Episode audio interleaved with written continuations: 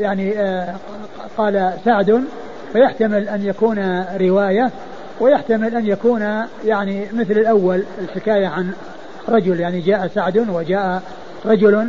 هو معنى واحد يعني معناه أن فيه إرسال. ولكن الحديث الذي سيأتي أو الطريقة الثانية فيها أنه ذكر أن ذلك الرجل يروي عن سعد. فيعني يكون يكون بذلك متصلا. يكون بذلك آه، متصلا. ويكون يعني ذلك الرجل المبهم هو هو هو آه،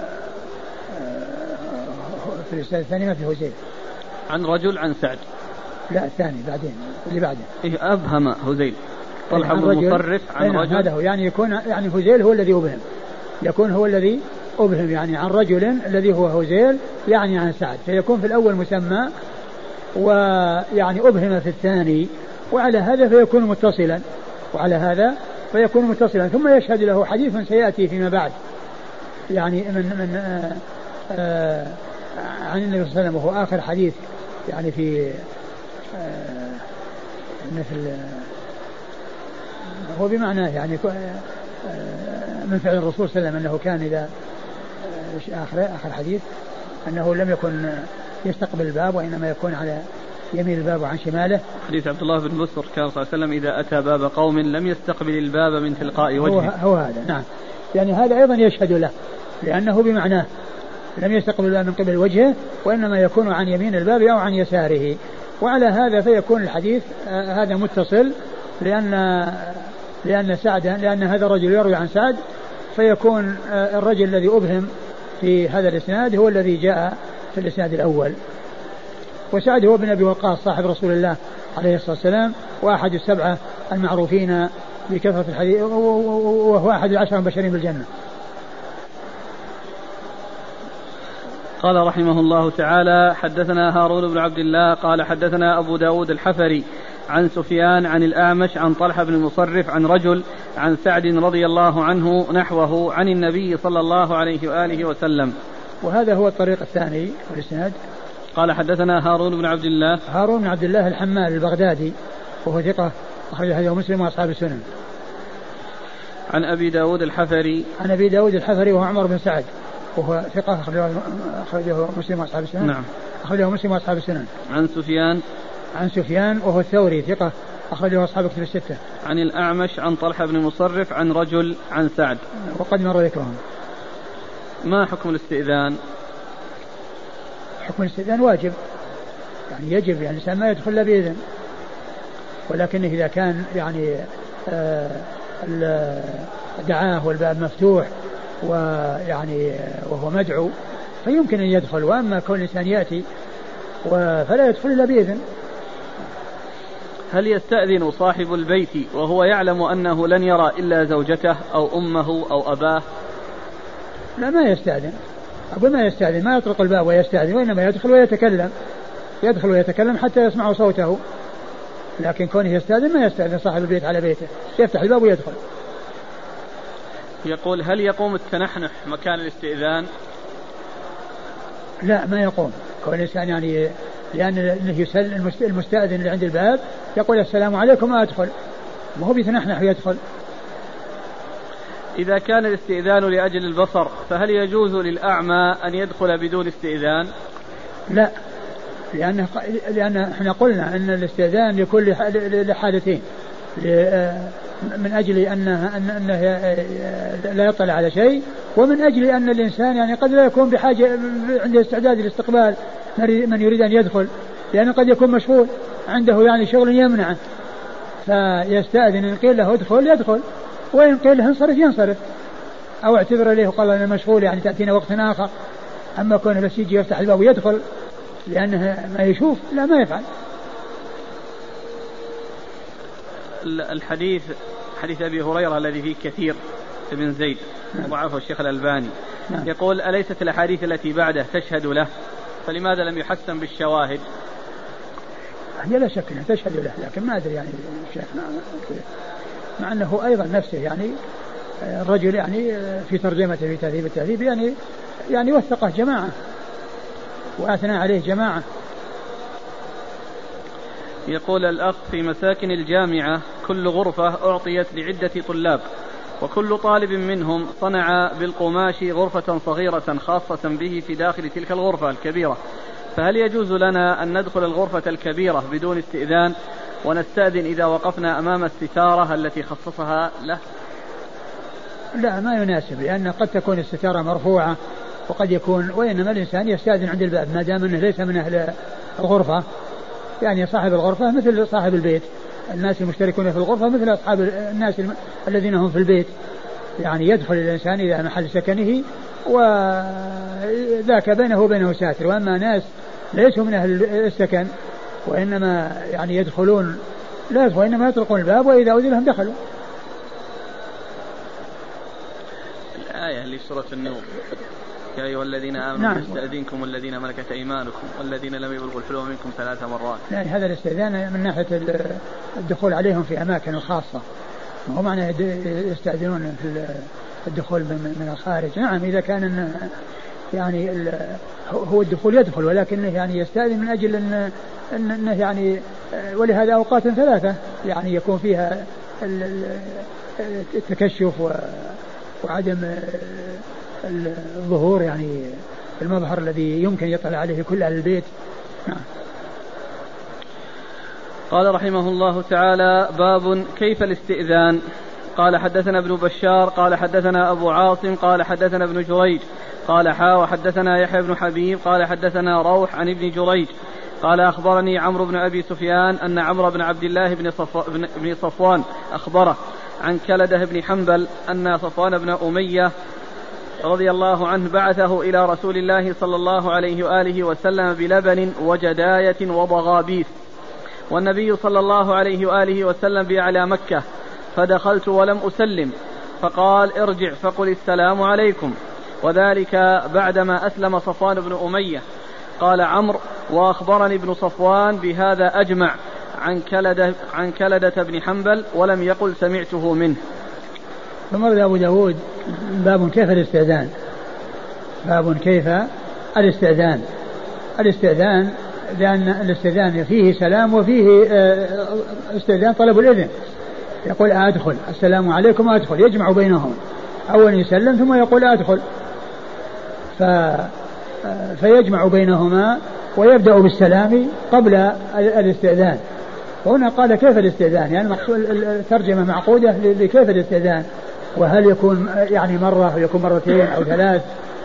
فأورد أحاديث. أولها حديث كلدة بن حنبل وهو أن أنه أرسله إليه صفوان بن أمية يعني في لبن وجدايا و إيش؟ وضغابيس. وضغابيس. والجدايا هي يعني لحم يعني الظباء الصغار والضغابيس هو القثة الصغيرة يعني قثة صغيرة. فدخل ولم يستأذن فقال ارجع واستأذن. يعني معنى ذلك أن الإنسان آه لابد أن يستأذن. والاستئذان يكون يعني بالسلام أولا ثم بطلب الإذن ثانيا. نعم. قال حدثنا ابن بشار ابن بشار محمد بن بشار ملقب بن دار وهو ثقة أخرجه أصحاب الكتب الستة وهو شيخ لأصحاب الكتب الستة. عن أبي عاصم عن أبي عاصم وهو النبيل أبو عاصم الضحاك بن مخلد النبيل آه اسمه الضحاك ولقبه النبيل وهو ثقة أخرجه أصحاب الكتب الستة. عن ابن جريج عن ابن جريج عبد الملك بن عبد العزيز بن جريج المكي ثقة أخرجه أصحاب الكتب الستة. قال حا وحدثنا يحيى بن حبيب. ثم قال حا وحدثنا يحيى بن حبيب يحيى بن حبيب بن عربي وهو ثقة أخرج حديث البخاري وأصحاب السنن. مسلم وأصحاب مسلم وأصحاب السنن. عن روح. عن روح بن عبادة وهو ثقة أخرجه أصحاب الكتب الستة. عن ابن جريج عن عمرو بن أبي سفيان. عن ابن جريج عن عمرو بن أبي سفيان وهو ثقة أخرج البخاري في المفرد وأبو داود والترمذي والنسائي. ثقة أخرج البخاري في المفرد وأبو داود والترمذي والنسائي. عن عمرو بن عبد الله بن صفوان. عن عمرو بن عبد الله بن صفوان وهو صدوق أخرجه البخاري في المفرد وأصحاب السنن. صدوق أخرجه البخاري في المفرد وأصحاب السنن. عن كلدة بن حنبل. عن كلدة بن حنبل رضي الله عنه وهو صحابي أخرج له أبو داود. البخاري في المفرد وأبو داود والترمذي والنسائي. البخاري في المفرد وأبو داود والترمذي والنسائي. قال عمرو وأخبرني ابن صفوان بهذا أجمع عن كلدة بن حنبل ولم يقل سمعته منه. قال قال قال عمرو.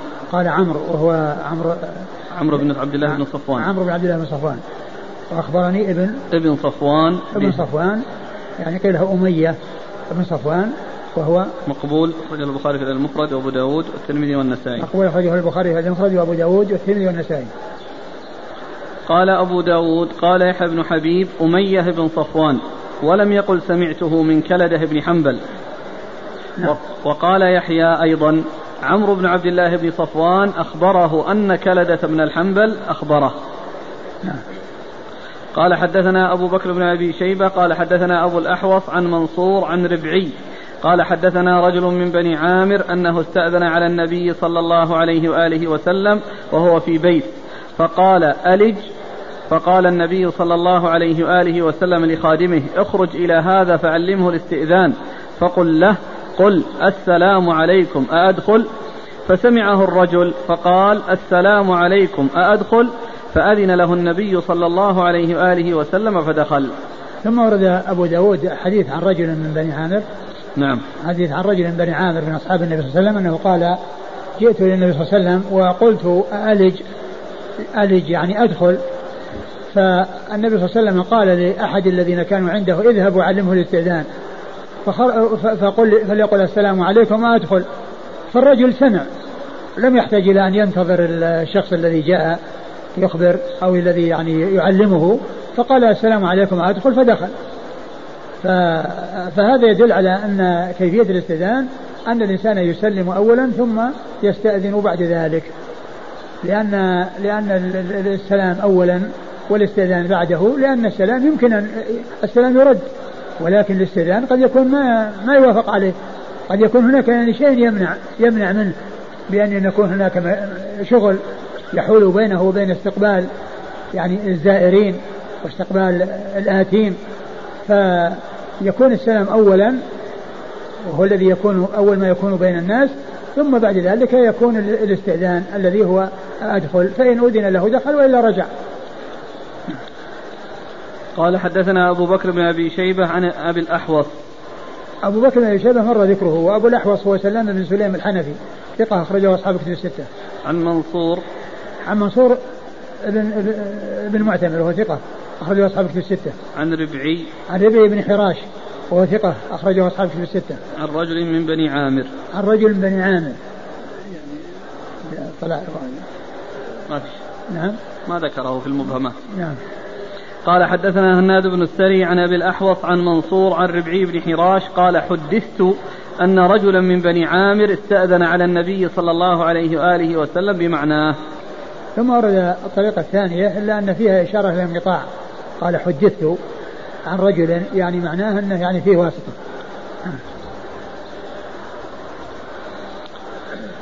قال حدثنا هناد بن السري هناد بن السري أبو السري ثقة أخرج حديث البخاري في خلق أفعال العباد ومسلم وأصحاب السنن. عن أبي الأحوص عن منصور عن ربعي قال حدثت أن رجلا من بني عامر. نعم. قال أبو داود وكذلك حدثنا مسدد قال حدثنا أبو عوانة عن منصور عن ربعي ولم يقل عن رجل من بني عامر يعني معناه أنه مرسل قال أبو داود وكذلك حدثنا مسدد مسدد بن مسرهد البصري ثقة أخرج حديث البخاري وأبو داود والترمذي والنسائي. عن أبي عوانة. أبي عوانة الوضاح بن عبد الله اليشكري وهو ثقة أخرجه أصحاب كتب الستة. قال حدثنا عبيد الله بن معاذ قال حدثنا أبي قال حدثنا شعبة عن منصور عن ربعي عن رجل من بني عامر أنه استأذن على النبي صلى الله عليه وعلى آله وسلم بمعناه قال فسمعته فقلت السلام عليكم أأدخل ثم ورد الحديث من طريق أخرى وهو مثل الذي قبله وفيه قال أنه قال السلام عليكم أدخل يعني بعد ما سمع يعني التوجيه الذي آه، أراد النبي صلى الله عليه وسلم أن يبلغ إياه. نعم. قال حدثنا عبيد الله بن معاذ. عبيد الله بن معاذ العنبري وهو ثقة أخرج حديث البخاري ومسلم. وأبو داود النسائي وأبو داود النسائي عن أبيه. عن أبيه معاذ بن معاذ العنبري ثقة أخرجه أصحاب كتب الستة. عن شعبة. عن شعبة بن الحجاج الواسطي ثم البصري وهو ثقة أخرجه أصحاب الكتب الستة. عن منصور عن ربعي عن رجل من بني عامر. نعم. يقول السائل هل يجب الاستئذان في الفصول الدراسية؟ هذا على حسب الاصطلاح والاتفاق إذا كان يعني أن أن أن أن الشخص يعني جاء متأخر وأنه يعني قد يؤذن له بالدخول وقد لا يؤذن له بالدخول فيستأذن هذا على حسب الاصطلاح. وأما إذا كان أنه ما فيه الإنسان يأتي كما شاء ويدخل كما شاء هذا ما يحتاج إلى استئذان هذا يرجع إلى آه، آه، الذي تعرف عليه الناس في آه، في الفصول يعني سواء من جهة المدرسين أو من جهة الجهة المسؤولة. فإذا كان المدرس يعني يريد أنه ما يدخل أحد إلا وقد استأذن وقد يؤذن له وقد لا يؤذن له يفعل. وإن كان الأمر ما يحتاج إلى استئذان فإنه يدخل ويجلس. يقول الآن يستخدم الجرس. فهل دق الجرس يقوم مقام الاستئذان؟ فإذا فتح الباب معناه سمح له بالدخول. هذا محتمل لأنه قد يكون الذي استأذن يعني يظن أنه واحد من البيت. يعني واحد من البيت يعني فيفتحون واحد من البيت فيدخل عليهم أجنبي. فإذا كان أنهم يعني آه، آه، فيه هذا الجهاز الذي يكون معه الكلام وقال ادخل يدخل. يعني إذا عرف بنفسه وأذنوا له يدخل. أما مجرد أن يكون يفتح الباب وهو ما سمع كلام ولا أحد جاء يدخله قد يكون أن أن أنهم يظنون أنه واحدا منهم أو واحد من أهل البيت. اللي ما معه مفتاح وإنما يعني هذا فتحوا الباب. أما إذا كان فيه آه، جهاز تكليم فهذا يتوقف الدخول أو عدم الدخول عليه. إن قالوا ادخل دخل وإن قالوا آه، مشغولين الآن وتأتي في وقت آخر لا يأتي لا يأتي. يقول إن من العادة في بلادنا أن يدخل الإنسان على بيت غيره ويكتفي بالسلام فقط. فصار رد السلام فقط إذنا له. فهل هذا يقوم مقام الاستئذان؟ نعم إذا كان الناس يعني متعارفين على أن مجرد رد السلام يحصل به الإذن ما في بأس. العرف إذا تعرف الناس على شيء لا بأس بذلك. إذا كان هذا شيء آه، آه، معروف عندهم أن مجرد كونهم ردوا عليه السلام يعني معناه أنه يعني يدخل هذا على حسب آه، عرف الناس. يقول إذا دخل الرجل بيته ولم يجد أحدا هل يسلم؟ السلام السلام طيب كونه يسلم يعني إذا دخل ويعود نفسه السلام لا شك أن هذا أمر طيب.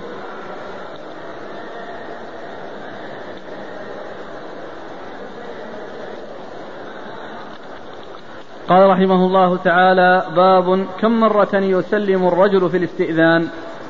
قال حدثنا أحمد بن عبدة قال أخبرنا سفيان عن يزيد بن خصيفة عن بسر بن سعيد عن أبي سعيد الخدري رضي الله عنه قال كنت جالسا في مجلس من مجالس الأنصار فجاء أبو موسى رضي الله عنه فزعا فقلنا له ما أفزعك؟ قال أمرني عمر أن آتيه فأتيته فاستأذنت ثلاثا فلم يؤذن لي فرجعت فقال ما منعك أن تأتيني؟ قلت قد جئت فاستأذنت ثلاثا فلم يؤذن لي وقد قال رسول الله صلى الله عليه وآله وسلم إذا استأذن أحدكم ثلاثا فلم يؤذن له فليرجع. قال لتأتين على هذا بالبينة. فقال أبي فقال أبي بن كعب رضي الله عنه لا يقوم معك إلا أصغر القوم. قال فقام أبو سعيد رضي الله عنه معه فشهد له. ثم أبو داود كم مرة يستأذن؟ كم مرة؟ كم مرة يسلم الرجل في الاستئذان؟ كم مرة يسلم كم مرة كم مرة يسلم الرجل في الاستئذان؟ يعني عندما يأتي عند الباب ويطرق الباب يعني يسلم. كم مرة يسلم؟ يعني في حال استئذانه. ومعلوم أن السلام هو في يعني الإتيان به هو من أجل الاستئذان وإنما جاء ليدخل. ولكنه يعني مع ذلك يضيف أدخل. لكن كم مرة يسلم؟ ويقول يعني أدخل. جاء في أبي سعيد رضي الله عنه كان آه، على موعد مع عمر فجاء واستأذن ثلاثا ورجع. أبو نعم. أبو سعيد. أبو موسى. أبو موسى نعم. أبو سعيد أبو موسى الأشعري رضي الله عنه. استأذن ثلاث مرات ثم رجع. فقال لماذا لم تأتي؟ قال أتيت وأستأذنت ثلاثا ولم يؤذن لي. قال آآ آه، آآ آه، قال إيش؟ لما قال فلم يدع دليل. وقد قال صلى الله عليه وسلم إذا استأذن وقد قال نعم. وقد قال يعني ذكر الدليل الذي جعله يفعل ويستأذن ثلاث مرات ويقتصر عليها. إذا استأذن أحدكم ثلاثا إذا نعم فلم يؤذن له فليرجع. إذا فلم يؤذن له فليرجع. فقال لتأتيني ببينة. يعني على ذلك. ومعلوم أن خبره رضي الله عنه كاف ولكن عمر رضي الله عنه أراد أن يتثبت وأن يحصل زيادة علم. على وليس ذلك من أجل أن ذلك لا يكفي فإن خبر الواحد كاف. ومعلوم أن خبر الاثنين هو أيضا من أخبار الأحاد لأنه ليس من قبيل المتواتر. خبر الاثنين هو من قبيل الآحاد وليس من قبيل المتواتر. ف ولكن ولكن عمر رضي الله عنه أراد أن يتثبت. ومن المعلوم أن الرسول صلى الله عليه وسلم أرسل معاذا إلى اليمن وكان يبلغهم الأحكام الشرعية سواء كانت في العقيدة أو غير العقيدة وقامت الحجة عليهم بذلك. فدل على أن خبر الواحد أنه حجة في العقيدة وفي وفي سائر الأحكام في العقائد وفي سائر الأحكام. ولكن عمر رضي الله عنه إنما فعل ذلك من أجل التثبت لا من أجل أن ذلك غير كاف. فإن كثيرا من الأحاديث آه، منها ما هو فرد. ومن ذلك الحديث الذي رواه عمر نفسه هو حديث مع بالنيات فإنه لم يرويه عن رسول الله صلى الله عليه وسلم إلا عمر. هو من افراد من الأفراد من الغرائب التي ما جاءت إلا من طريق واحد. فعمر رضي الله عنه هو الذي انفرد بروايته عن رسول الله صلى الله عليه وسلم. ورواه عنه أيضا علقمة وقاص الليثي وهو شخص. ثم رواه عن علقمة وقاص محمد بن إبراهيم التيمي وهو شخص واحد. ثم رواه يحيى بن سعيد الأنصاري عن محمد بن إبراهيم التيمي وهو شخص واحد. ثم كثر رواته عن يحيى بن سعيد. ثم كثر رواته عن يحيى بن سعيد. وهذا الحديث من الأحاديث التي هي مشهورة والعلماء اعتمدوا عليها كما يعتمدون على غيرها.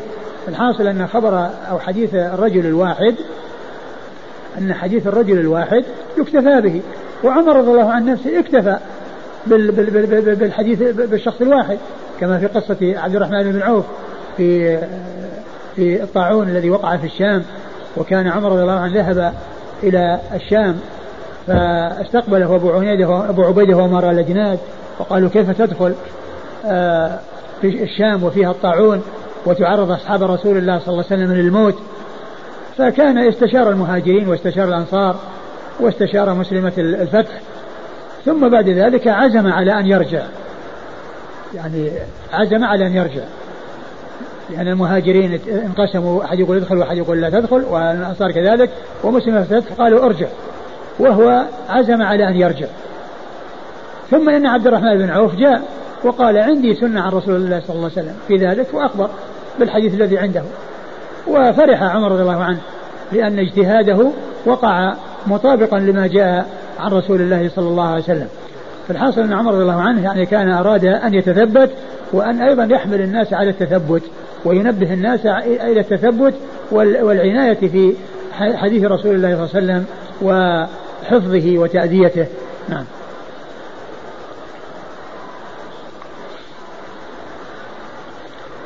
قال حدثنا أحمد بن عبدة أحمد بن عبدة الضبي وهو ثقة أخرجه مسلم وأصحاب السنن ثقة أخرجه مسلم وأصحاب السنن عن سفيان عن سفيان بن عيينة ثقة أخرجه أصحاب الكتب الستة. عن يزيد بن خصيفة. عن يزيد بن خصيفة ثقة أخرجه أصحاب الكتب الستة. عن بسر بن سعيد. عن بسر بن سعيد وهو ثقة أخرجه أصحاب الكتب. نعم. أصحاب الكتب الستة. عن أبي سعيد. عن أبي سعيد الخدري رضي الله عنه. عن أبي سعيد الخدري رضي الله عنه وهو أحد السبع المعروفين بكثرة الحديث عن النبي صلى الله عليه وسلم. وأبي موسى. وأبي موسى الأشعري رضي الله تعالى عنه وهو وهو عبد الله بن قيس صاحب رسول الله صلى الله عليه وسلم وحديثه أخرجه أصحاب كتب الستة. قال أبي بن كعب لا يقوم معك إلا أصغر القوم يعني معنى هذا كأن هذه السنة أنها معلومة عند الأنصار وأنها مشهورة عندهم ولهذا قال لا يقوم معك إلا أصغر القوم يعني أنه آه، آه، لأن العلم عندهم جميعا فيقوم أصغرهم وأصغرهم أبو سعيد. قال حدثنا مسدد قال حدثنا عبد الله بن داود عن طلحة بن يحيى عن أبي بردة عن أبي موسى رضي الله عنه أنه أتى عمر رضي الله عنه فاستأذن ثلاثا فقال يستأذن أبو موسى يستأذن الأشعري يستأذن عبد الله بن قيس فلم يؤذن له فرجع. فبعث إليه عمر ما ردك؟ قال قال رسول الله صلى الله عليه وعلى آله وسلم يستأذن أحدكم ثلاثا فإن أذن له وإلا فليرجع. قال ائتني ببينة على هذا. فذهب ثم رجع فقال هذا أبي. فقال أبي. رضي الله عنه يا عمر لا تكن عذابا على أصحاب رسول الله صلى الله عليه وآله وسلم. فقال عمر لا أكون عذابا على أصحاب رسول الله صلى الله عليه وآله وسلم. ثم رد أبو داود حديث عبد الله بن قيس من طريق أخرى وفيه أن وفيه مثل الذي قبله إلا أنه ذكر توضيح الاستئذان لأنه مرة قال يستأذن عبد الله بن قيس والثانية قال يستأذن الأشعري. والثالثة قال يستأذن أبو موسى. فكل مرة يأتي بلفظ آخر غير اللفظ الأول مما يعرف به نفسه مما يعرف بنفسه مرة قال الأشعري ومرة قال أبو موسى ومرة قال عبد الله بن قيس. وعبد الله بن قيس هو اسمه رضي الله تعالى عنه. ف فهو مثل الذي قبله وفيه أنه سأله وقال ائتني ببينة ثم إنه قال له أبي لا تكن عذابا لأصحاب رسول الله؟ نعم. لأصحاب الرسول صلى الله عليه وسلم قال لا أكون عذابا. والمقصود من ذلك أن هذا ليس فيه ذكر قصة الشاهد. و وكأن وكأن قصة أبو سعيد يعني ذهب إليه كما في الرواية السابقة. وهنا آه، أبي الذي كان قال لا يقوم إلا أصغرنا يعني لقي عمر وقال له يعني لا تكونوا عذابا يعني هذا في تشديد على أصحاب الرسول صلى الله عليه وسلم من يعني من ناحية الرواية. فقال لا أكون عذابا. قال حدثنا مسدد عن عبد الله بن داود. عبد الله بن داود هو الخريبي وهو ثقة أخرج حديثه البخاري وأصحاب السنن عن طلحة بن يحيى. طلحة بن يحيى وهو صدوق يخطئ صدوق يخطئ أخرج له مسلم وأصحاب السنن مسلم وأصحاب السنن عن أبي بردة. عن أبي بردة بن أبي موسى الأشعري وهو ثقة أخرجه أصحاب في الستة. عن أبيه أبي موسى وقد مر ذكره. قال حدثنا يحيى بن حبيب قال حدثنا روح قال حدثنا ابن جريج. قال أخبرني عطاء عن عبيد بن عمير أن أبا موسى استأذن على عمر رضي الله عنهما بهذه القصة. قال فيه فانطلق بأبي سعيد فشهد له فقال أخفي علي هذا من أمر رسول الله صلى الله عليه وآله وسلم ألهاني الصفق في الأسواق ولكن سلم ما شئت ولا تستأذن. ثم أورد أبو داود آه، حديث أبي موسى من طريق أخرى وفيه مثل ما في الذي قبله أنه أتى بأبي سعيد أتى القصة وأنه طلب بينة وأنه أتى بأبي سعيد وقال أخفي علي, علي هذا من الرسول صلى الله عليه وسلم لكن الهاني الهاني السفق السفق بالأسواق. السفق بالأسواق يعني الاشتغال بالبيع والشراء يعني معناه فاتته هذه السنة ومعرفة هذه السنة ومعلوم أن أصحاب رسول الله صلى الله عليه وسلم يحضرون مجلسه منهم من يحضر المجلس فيحدث النبي صلى الله عليه وسلم بحديث فيغيب عنه من غاب ويحضره من حضر فالذي حضر عرف والذي لم يحضر لم يعرف. ومعلوم قصة عمر رضي الله عنه مع جاره الأنصاري الذي كان مجاور له في مزرعة وكان يتناوبان النزول إلى رسول الله صلى الله عليه وسلم هذا يأتي يوم وهذا يأتي يوم وإذا رجع الذي نزل في اليوم أخبر صاحبه الذي لم ينزل بما سمعه من رسول الله صلى الله عليه وسلم. فيعني يقول أن هذه السنة فاتتني بسبب يعني انشغاله في بعض الأحيان في آه، آه، الصفق في الأسواق يعني في البيع والشراء من أجل جلب الرزق لأهله. نعم. ولكن سلم ما شئت ولا تستأذن. ولكن سلم ما شئت يعني سلم ما شئت ولا تستأذن يعني أنه آه، كأن معناه أنه يعني يسلم ويعني يكرر السلام وإن لم يحصل الاستئذان. يعني هذا كان قبل يعني هذا رأيه كان قبل يعني قبل الحديث ولا بعد ما بعد الحديث لأنه يعني بعد ما لأنه بعد ما بعد ما علم. طيب ولماذا قال لا تستأذن؟ قل ولكن سلم ما شئت ولا تستأذن. يعني كان المقصود من ذلك انه إنه يعني يكرر السلام وإن لم يحصل مثل الاستئذان لأن السلام السلام عليكم والثاني أدخل. ثم أيضا هو نفسه دعاه في قضية المجيء بموسى له ومدعو يعني ما جاء زائرا وإنما جاء مدعوا كما مر. طيب قوله ما شئت يعني بدون عدد. يعني كان كأنه يعني ما شئت يعني معناه أنه في عدد لكنه يعني يصل يقف عند عند الثالثة.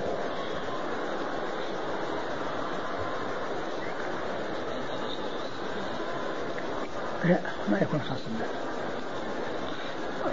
المعنى اللي بعد قال ولا اللي في العون بالتاء ولكن تسلم ما شئت ولا تستأذن. ولكن قال ولكن سلم. تسلم بالتاء. نعم، تسلم نعم. تسلم ما شئت ولا تستأذن. قال لعله قاله تفريحا لقلبه. تفريح لقلب موسى؟ النبي موسى يعني معناه كأنه يعني أراد أنه يعني بعد ما يعني بعد ما حصل ما حصل. بعد ما حصل منه الإفداع ويعني بعد ذلك اعتذر قال له سلم ما شئت ولا تستأذن. يعني معناه أنه يكرر السلام. يكرر السلام. نعم. قال حدث علينا. قال حدثنا يحيى بن حبيب عن روح عن ابن جريج قال أخبرني عطاء. عطاء بن أبي رباح ثقة أخرج أصحابه في الستة. عن عبيد بن عمير. عبيد بن عمير ثقة أخرج أصحابه في الستة. عن أبي موسى. عن أبي موسى. نعم. وأبي سعيد. طيب قال حدثنا زيد بن أخزم قال حدثنا عبد القاهر بن شعيب قال حدثنا هشام عن حميد بن هلال عن أبي بردة بن أبي موسى عن أبيه رضي الله عنه بهذه القصة. قال فقال عمر رضي الله عنه لأبي موسى إني لم أتهمك ولكن الحديث عن رسول الله صلى الله عليه وآله وسلم شديد. وهذا أيضا عذر من عمر رضي الله عنه وأنه لم يكن اتهام وإنما كان للتثبت. نعم. والاحتياط. قال حدثنا زيد بن أخزم. زيد بن أخزم ثقة في البخاري وأصحاب السنة نعم.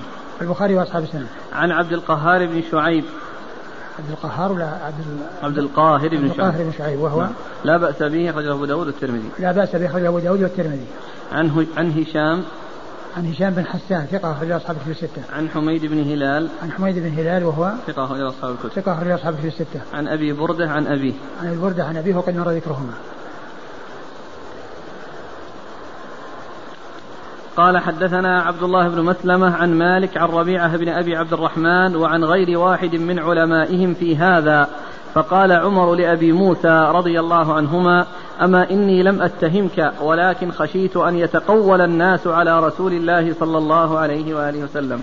ثم ورد أبو داود آه، الحديث من طريق أخرى وفيه أن عمر قال لم أتهمك ولكن خشيت أن يتقول الناس على رسول الله صلى الله عليه وسلم. يعني معنى ذلك يريد أن الناس يعني يحسبون حساب للحديث وللرواية ولا يتساهلون وأن الأمر يعني الأمر ليس بالهين. إذا عرفوا من عمر رضي الله عنه أنه يعني آه، يرى مثل هذا الرأي أو يقف مثل هذا الموقف. يعني معناه يعني يعتبرون الأمر يعني يعني آه، أمر عظيم وأنه شديد وأنه ليس بالأمر الهين. نعم. وهذا مثل قوله أن الحديث عن رسول الله شديد. يعني أنه ليس بالأمر الهين يحتاج إلى آه، تثبت وإلى احتياط. نعم. قال حدثنا عبد الله بن مسلمة عبد الله بن مسلمة القعنبي ثقة أخرج أصحاب الستة إلا ابن ماجه. عن مالك عن مالك بن أنس إمام دار الهجرة المحدث الفقيه أحد أصحاب المذاهب الأربعة المشهورة مذاهب أهل السنة وحديث أخرج أصحاب في الستة. عن ربيعة بن أبي عبد الرحمن. ربيعة بن أبي عبد الرحمن وهو ثقة أخرج أصحاب في الستة. وعن غير واحد من علمائهم في هذا. نعم. من يدق الجرس جرس البيت أكثر من ثلاث مرات بدعوى أن أهل البيت ربما لم يسمعوا فيريد أن يؤكد وصول صوت الجرس. إذا كان أنه يسمع صوت الجرس فما ينبغي له أن يزيد. وإن كان ما يسمعه وأنه يعني قد يكون الجرس في خراب ولا شيء يعني فليطلق الباب. فليطلق الباب بدل الجرس. وهل يقاس العدد في الاستئذان على الاتصال بالهاتف؟ بأن إذا قفل الخط ثلاث مرات فلا يتصل. كما هو معلوم الهاتف يعني قد يكون الناس يعني حوله وقد يكون ليس بحوله لكن يعني الإنسان مو لازم أنه يعني يدق ثلاث دقات يعني بل يمكن حتى حتى ينقطع. ولو رجع مرة ثانية لا بأس. ولكن في الغالب يعني كون الناس يعني يفعلون ثلاث مرات وينتظر يعني هذا ليس هذا كما هو معلوم ليس في من قبيل ليس من قبيل الاستئذان. لأن الاستئذان يعني فيه دخول وفيه نظر وهذا ما فيه لا استئذان ما في نظر ولا دخول هذا ليس في نظر ولا في دخول فالأمر في ذلك واسع سواء يعني كثر ولا قلل لأنه ما ما له دخل في في, في الاستئذان والله تعالى أعلم وصلى الله وسلم وبارك على عبده ورسوله نبينا محمد وعلى آله وأصحابه أجمعين. جزاكم الله خيرا وبارك الله فيكم ونفعنا الله بما قلتم.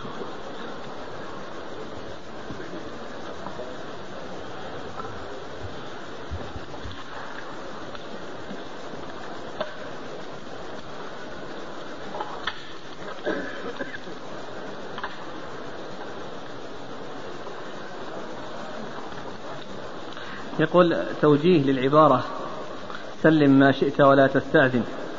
يقول ممكن توجه بأن يقال لأن عمر رضي الله عنه علم بالحديث فرأى أنه يسلم ولا داعي للاستئذان لأنه ربما يسمعه ولكن لا يريده أن يدخل عليه. فلما فرغ من شغله دعاه. ما ما أقول ما هو مستقيم هذا. أقول يبدو أنه غير مستقيم لأن القضية مو معناه أنه آه، كان مشغولا وفرغ من شغله. وإنما يعني هو وعده ولكن يعني يبدو أنه ما ما سمعه. يعني لما جاء يستأذن وقد وعده وإلا فإنه يمكنه أن يخرج ويقول له يعني تأتي في وقت آخر. لكنه ما الذي حصل أنه قال لماذا لم تأتني؟ ولو كان قد علم بأنه أتاه ما يقول له هذا الكلام ويعتب عليه أنه لم يأته على الميعاد.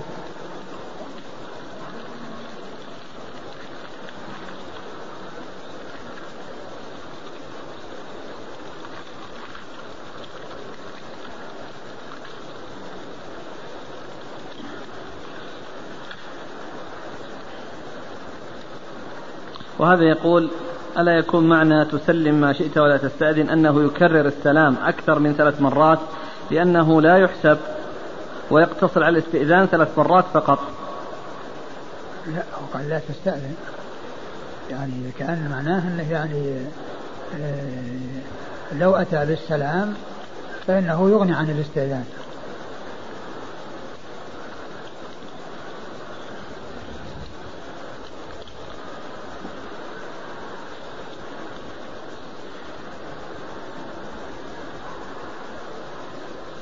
يقول في هذا الزمان إذا سلم عليك الزائر فإذا أجبته بالسلام فإنه يغضب إذا لم تخرج إليه أو إذا لم تأذن له بالدخول. وربما صار بينكم مشاحنة. الإنسان يعامل الناس بمثل ما يحب أن يعاملوه به. وهو إذا كان يعلم من نفسه أنه إذا كان مشغول أنه يعني ما يعني لا لا يمكن غيره من أن يدخل عليه فكذلك أيضا يعامل يعني يعتبر نفسه يعني يعتبر غيره مثل ما يعتبر نفسه. فكما أنه إذا كان مشغول ولا عنده استعداد للاستقبال لأن عنده شغل شغله ولا يتمكن من استقبال الناس أيضا كذلك الناس أنفسهم يعذرهم. إذا إذا عملوا معه مثل ما يعمله مع غيره. يقول ذكرتم أن صاحب البيت لا يستأذن يفتح الباب ويدخل. فكيف لو تأكد أن عند زوجته ضيوف من النساء؟ على كل هو يتكلم. أقول يتكلم وإذا كان عندها ضيوف ستقوم زوجته وتعمل الاحتياطات اللازمة.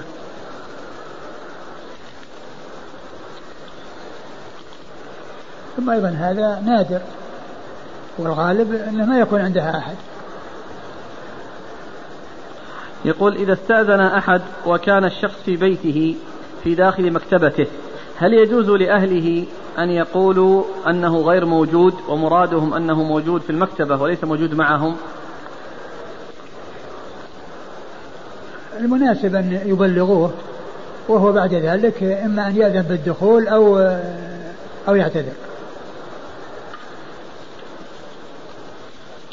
يقول كثيرا ما نسمع بما يسمى بالمقاطعة للمنتجات الأجنبية. فهل هذا العمل جائز؟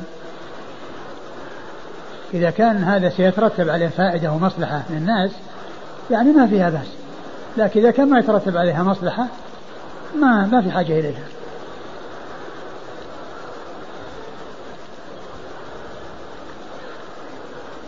يقول يقول الإمام البخاري في بعض الرواة فلان مقارب الحديث. فما معناه؟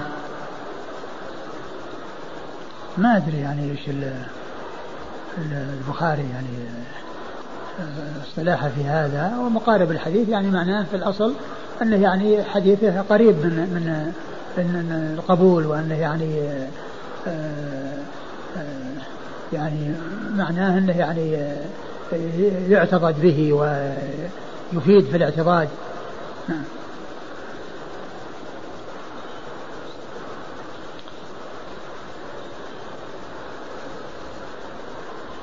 يقول في بلد من بلدان الكفر إذا أردت أن تشتري بيتا يجب أن تشتري تشتريه بالتقسيط بالقرض. فهل يجوز أن يشترى بهذه الطريقة؟ لأنه من باب الضرورة. كيف يعني؟ ما ما يباع شيء بالنقد وشيء بالحاضر ما في الا تقسيط من أجل لماذا؟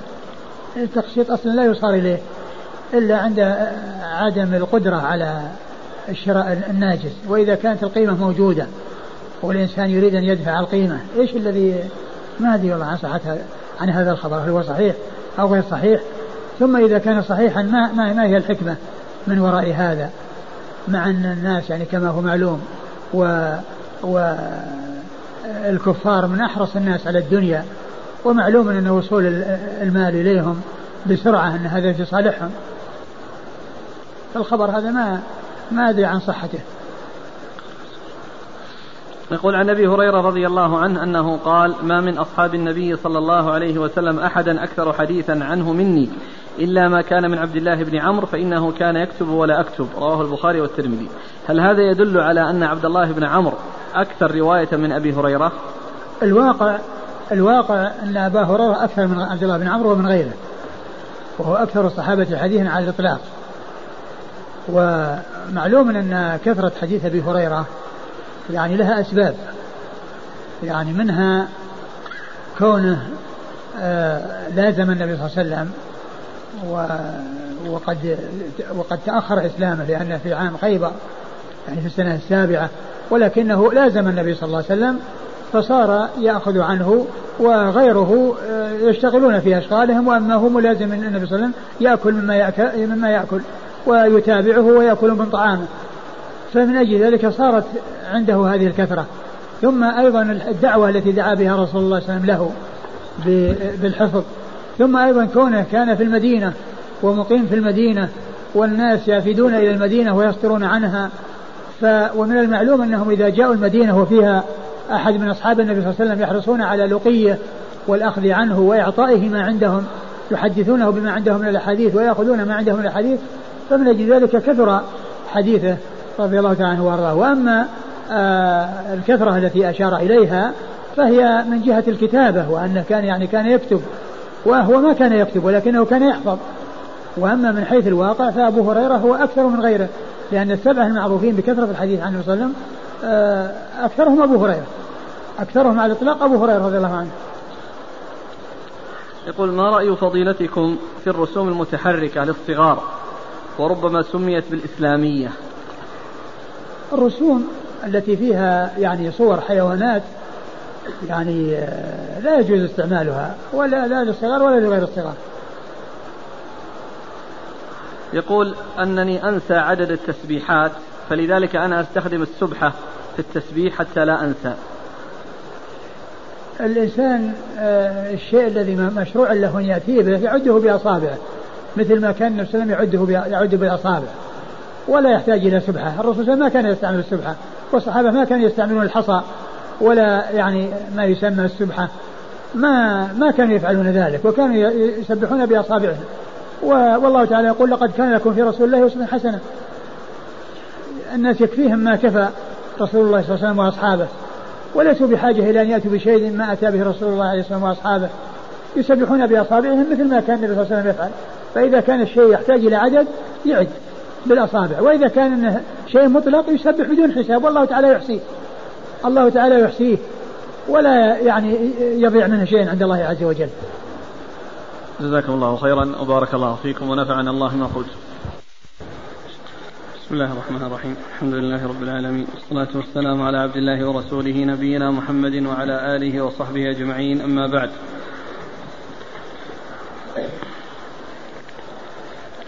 قال الإمام أبو داود السجستاني يرحمه الله تعالى باب كم مرة يسلم الرجل في الاستئذان. وذكر أحاديث منها قال حدثنا هشام أبو مروان ومحمد بن المثنى.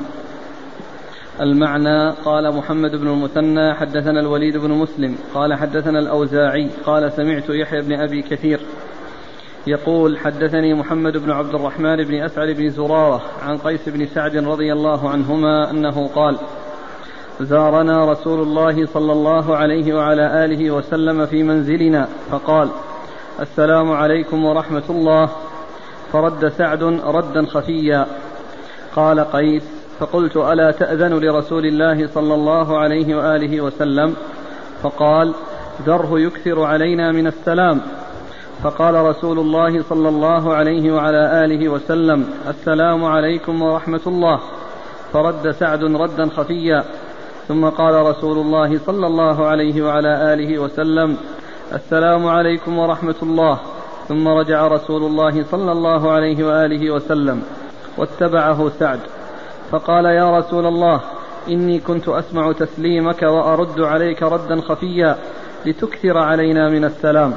قال فانصرف معه رسول الله صلى الله عليه وعلى آله وسلم فأمر له سعد بغسل فاغتسل ثم ناوله ملحفة مصبوغة بزعفران أو ورس فاشتمل بها ثم رفع رسول الله صلى الله عليه وعلى آله وسلم يديه وهو يقول اللهم اجعل صلواتك ورحمتك على آل سعد بن عبادة. قال ثم أصاب رسول الله صلى الله عليه وعلى آله وسلم من الطعام فلما أراد الانصراف قرب له سعد حمارا قد وطى عليه بقطيفة. فركب رسول الله صلى الله عليه وعلى آله وسلم فقال سعد يا قيس اصحب رسول الله صلى الله عليه وآله وسلم. قال قيس فقال لي رسول الله صلى الله عليه وعلى آله وسلم اركب فأبيت. ثم قال إما أن تركب وإما أن تنصرف. قال فانصرفت. بسم الله الرحمن الرحيم. الحمد لله رب العالمين وصلى الله وسلم وبارك على عبده ورسوله نبينا محمد وعلى آله وأصحابه أجمعين. أما بعد فقد سبق في الدرس الماضي البدء بهذه الترجمة وهي باب كم مرة يعني يسلم أو يستأذن والمقصود أنها ثلاث ثلاث مرات يسلم ثلاث مرات ثم ينصرف كما مر في حديث آه، أبي موسى وأبي سعيد رضي الله تعالى عنهما. وقد أورد أبو داود حديث قيس بن عبادة قيس, قيس بن سعد بن عبادة الأنصاري رضي الله تعالى عنهما عنه وعن أبيه وعن الصحابة أجمعين أن النبي صلى الله عليه وسلم زارهم في منزلهم فقال السلام عليكم ورحمة الله. فرد أبوه سعد بن عبادة ردا خفيا فقال له ابنه ألا آه، ألا تجيب رسول الله صلى الله عليه وسلم؟ فقال دعه يكثر السلام علينا. ثم قال السلام عليكم ورحمة الله. فرد سعد ردا خفيا. ثم قال السلام عليكم ورحمة الله فانصرف. وهذا هو محل الشاهد من إيراد الحديث وهو أن أن السلام يكون ثلاث مرات. ثم لأن النبي صلى الله عليه وسلم سلم ثلاث مرات ثم انصرف. ثم إن سعدا تبعه وأخبره بالذي حصل وأن أنه كان يسمعه ولكنه كان يجيبه ويرد عليه ردا خفيا. من أجل أن يكثر الرسول صلى الله عليه وسلم من السلام عليهم لأن السلام دعاء. السلام دعاء للمسلم عليهم. فطلب منه أن يعود فانصرف معه يعني عاد إلى منزله ودخل معه فأعطاه غسلا وهو آه، ماء يغتسل به وفيه خطمي ثم إنه أعطاه ملحفة يلتحف بها. ثم إنه أكل من طعامهم عليه الصلاة والسلام. ولما أراد الانصراف وطأ له سعد حمارا عليه قطيفة فركب عليها رسول ركب الرسول صلى الله عليه وسلم وخرج معه سعد قيس يريد أن يمشي معه فالنبي صلى الله عليه وسلم قال له اركب يعني رديفا له. ف فلم يشأ أن يركب فقال له عليه الصلاة والسلام إما أن تركب وإما أن تنصرف. فانصرف. فانصرف. ومحل الشاهد من الحديث هو ما جاء في أوله من كون النبي صلى الله عليه وسلم سلم ثلاث مرات. سلم ثلاث مرات ثم انصرف فدل على أن الاستئذان يكون ثلاث مرات. وهذا الذي حصل من سعد رضي الله عنه تتعارض فيه مصلحتان مصلحة آه، دخول النبي صلى الله عليه وسلم وكونه يعني يدخل من أول وهلة وكونه يعني يدعو لهم. وكل من الأمرين كل كل منهما له شأن. آه، دخول النبي صلى الله عليه وسلم من أول وهلة والمبادرة إلى إجابته لا شك أن هذا له شأن. وهذا الذي أراده سعد رضي الله عنه وقصده من كثرة الدعاء له وكثرة وكونه يكرر السلام عليه أيضا له شأن. وفي, وفي الحديث آه، كما هو واضح ما ترجم له المصنف من الاستئذان إن الاستئذان يكون ثلاثا. وان المستأذن عندما يسلم ثلاث مرات ولم يرد عليه فإنه ينصرف. وفيه آه، حرص الصحابة رضي الله عنهم وأرضاهم على دعاء الرسول صلى الله عليه وسلم لهم ومحبته ومحبتهم آه، لدعائه لهم. وكذلك أيضا إكرام الرسول صلى الله عليه وسلم واحتفاؤهم به. وكذلك أيضا تواضع الرسول صلى الله عليه وسلم لركوب الحمار وكونه أراد من الذي آه، تبعه ألا يمشي بل إما أن يركب وإما أن ينصرف. وفيه آه، تشييع الزائر ومرافقته آه، عند الدخول وعند الخروج لأن قيسا أراد أن يرافقه وأن يشيعه وأن يمشي معه. والرسول صلى الله عليه وسلم أراد منه إما أن يركب وإما أن ينصرف فانصرف. نعم. قال حدثنا هشام أبو مروان. هشام أبو مروان هو صدوق خرجه أبو داود بن ماجه. صدوق خرجه أبو داود بن ماجه. ومحمد ومحمد المثنى هو أبو موسى الزمن آه العنزي ثقة أخرجه أصحاب كتب الستة بل هو شيخ لأصحاب كتب الستة. قال محمد بن المثنى حدثنا الوليد بن مسلم. يعني ساقه على لفظ محمد المثنى. ساقه على لفظ محمد المثنى والوليد بن مسلم هو الدمشقي وهو ثقة أخرجه أصحاب أصحاب الكتب الستة. عن الأوزاعي عن الأوزاعي هو أبو عمرو عبد الرحمن بن عمرو الأوزاعي فقيه الشام ومحدثها وهو ثقة أخرجه أصحاب الكتب الستة. عن يحيى بن أبي كثير عن يحيى بن أبي كثير اليمامي وهو ثقة أخرجه أصحاب كتب الستة.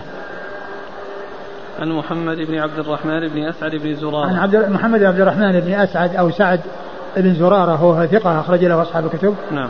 أصحاب الكتب الستة. عن قيس بن سعد بن عبادة رضي الله تعالى عنه وعن أبيه وعن الصحابة أجمعين وهو صحابي أخرج له أصحاب الكتب الستة وقيس هذا كان مشهورا بالطول وكان معروفا بالطول كان طويلا وذكر في ترجمته أن شخصا من الروم كان طويلا طلب أو آه، طلب من يطاوله فقيل لسعد فقيل لقيس في ذلك فأعطاهم سراويله وقال أعطوه إياه.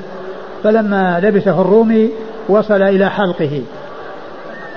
نعم. قال هشام أبو مروان عن محمد بن عبد الرحمن بن أسعد بن زرارة. قال هشام. قال هشام أبو أبو مروان. نعم قال هشام إيش؟ عن محمد بن عبد الرحمن بن أسعد بن زرارة. عن محمد بن عبد الرحمن يعني أنه روى بلفظ عنه يعني اللي هو الشيخ الأول لأنه ساقه على على لفظ محمد المثنى الشيخ الثاني.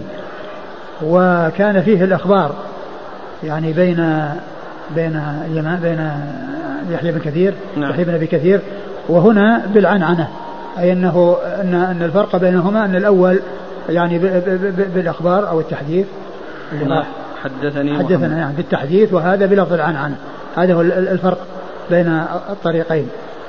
طريق طريق محمد المثنى فيها الإخبار بين يحيى بن أبي كثير وبين محمد بن عبد الرحمن بن سعد بن زرارة أو بن سعد بن زرارة.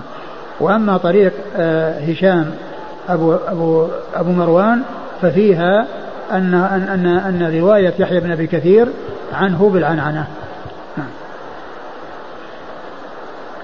قال أبو داود رواه عمر بن عبد الواحد وابن سماعة عن الأوزاعي مرسلا ولم يذكر قيس بن سعد. آه قال أبو داود رواه آه عمر بن عبد الواحد. عمر بن عبد الواحد وهو؟ ثقة أبو داود والنسائي بن ماجه. ثقة أبو داود والنسائي بن ماجه وابن سماعة هو؟ ثقة أخرج أبو داود والترمذي والنسائي. وش اسمه؟ إسماعيل بن عبد الله بن سماعة الرملي.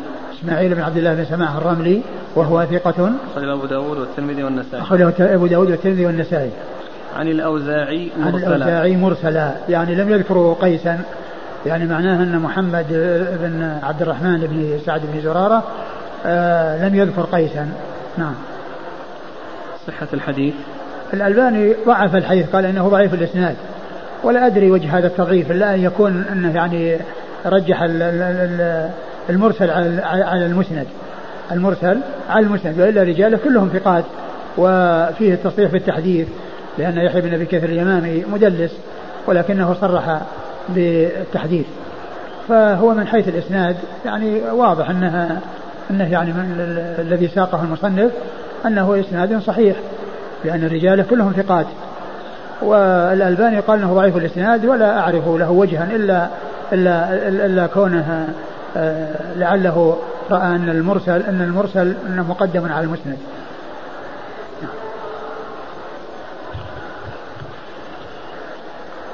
يقول هل في الحديث دليل على أنه إذا استأذن أحد وأنت لا تريد أن يدخل فترد عليه السلام بصوت خفي؟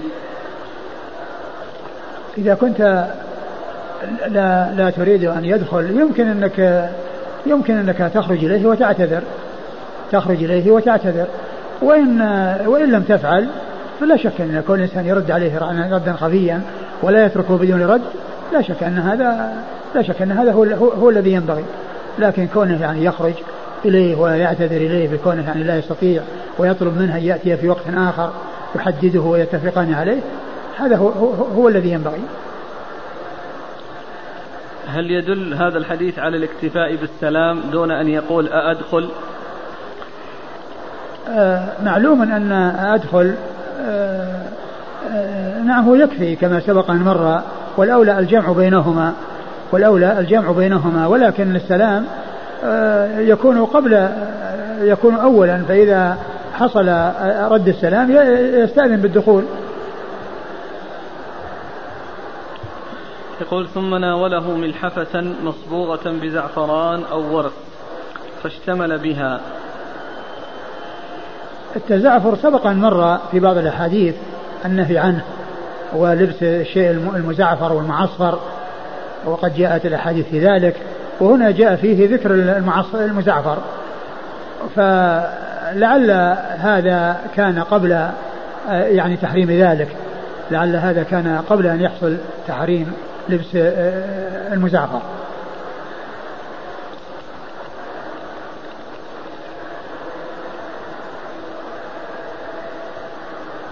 ممكن يستفاد من الحديث جواز استخدام التنشيف؟ لأن هناك من يكره تنشيف الأعضاء بعد الطهارة. نعم يعني هو يدل على الجواز لكن الرسول صلى الله عليه وسلم كان يعني يعني ينفض يده يعني آه، ويكتفي بالنفض والتنشيف جائز. يقول ألا يكون وجه تضعيف الشيخ الألباني الحديث الانقطاع؟ بين مين ومين؟ بين محمد بن عبد الرحمن وقيس بن سعد. ما أدري هل فيه انقطاع؟ كيف يعني؟ قيس بن, بن هو وش يقول محمد بن عبد الرحمن؟ عن؟ عن؟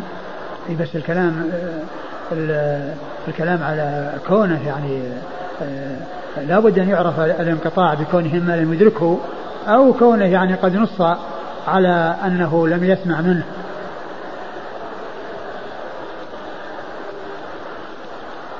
قال حدثنا مؤمل بن الفضل الحراني في آخرين محمد بن عبد الرحمن متى توفي؟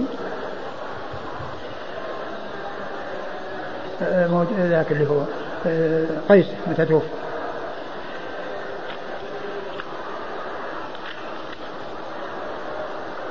مات سنة ستين تقريبا وقيل بعد ذلك. هنا محمد بن عبد الرحمن ذكر شيئا ولادته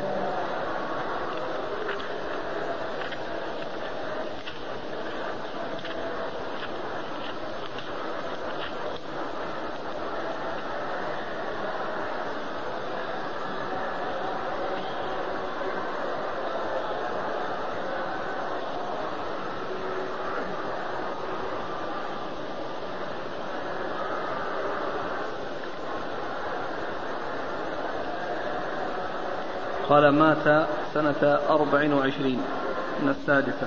أربع ولا ذكر ولادته؟ نعم يعني هو الذي يفيد معرفة ولادته.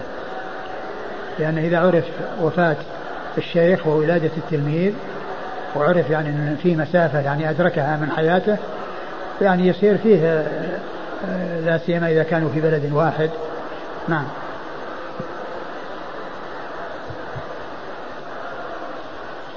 قال حدثنا مؤمل بن الفضل الحراني في آخرين قالوا حدثنا بقية بن الوليد قال حدثنا محمد بن عبد الرحمن عن عبد الله بن بسر رضي الله عنهما أنه قال كان رسول الله صلى الله عليه وعلى آله وسلم إذا أتى باب قوم لم يستقبل الباب من تلقاء وجهه ولكن من ركنه الأيمن أو الأيسر ويقول السلام عليكم السلام عليكم.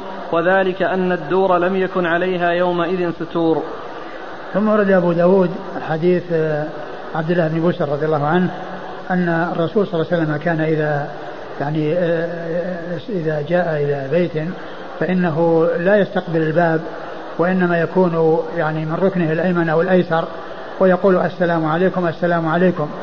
ثم قال والبيوت يومئذ ليس عليها ستور يعني ستور تكون في أبو في في أبواب في, في, في, في الأبواب. فإذا كان الباب مفتوح وعليه ستر فإنه يمنع من البصر ومن النظر إلى ما في الداخل. فإذا كان يعني فيه ستر ليس فيه ستر والباب مفتوح فإن الإنسان يرى ما أمامه. قال والأبواب ليس عليها يومئذ ليس عليها ستور. نعم. وهذا شاهد للحديث الذي سبق أن مر من قوله صلى الله عليه وسلم ولكن هاك ها هنا هكذا وهكذا يعني إنه يكون يعني على الجوانب فهذا من فعله وذاك من قوله صلى الله عليه وسلم. وهذا من الآداب الجميلة والأخلاق الكريمة يعني كون الإنسان يعني ما يستقبل الباب لأنه إذا استقبل الباب قد يرى من في الداخل ولكنه إذا كان على اليمين عن الشمال فيكون بعيدا عن أن يقع بصره على أمر آه، لا يريد آه، صاحب المحل وصاحب المكان أن ينظر إليه أو يطلع عليه. نعم.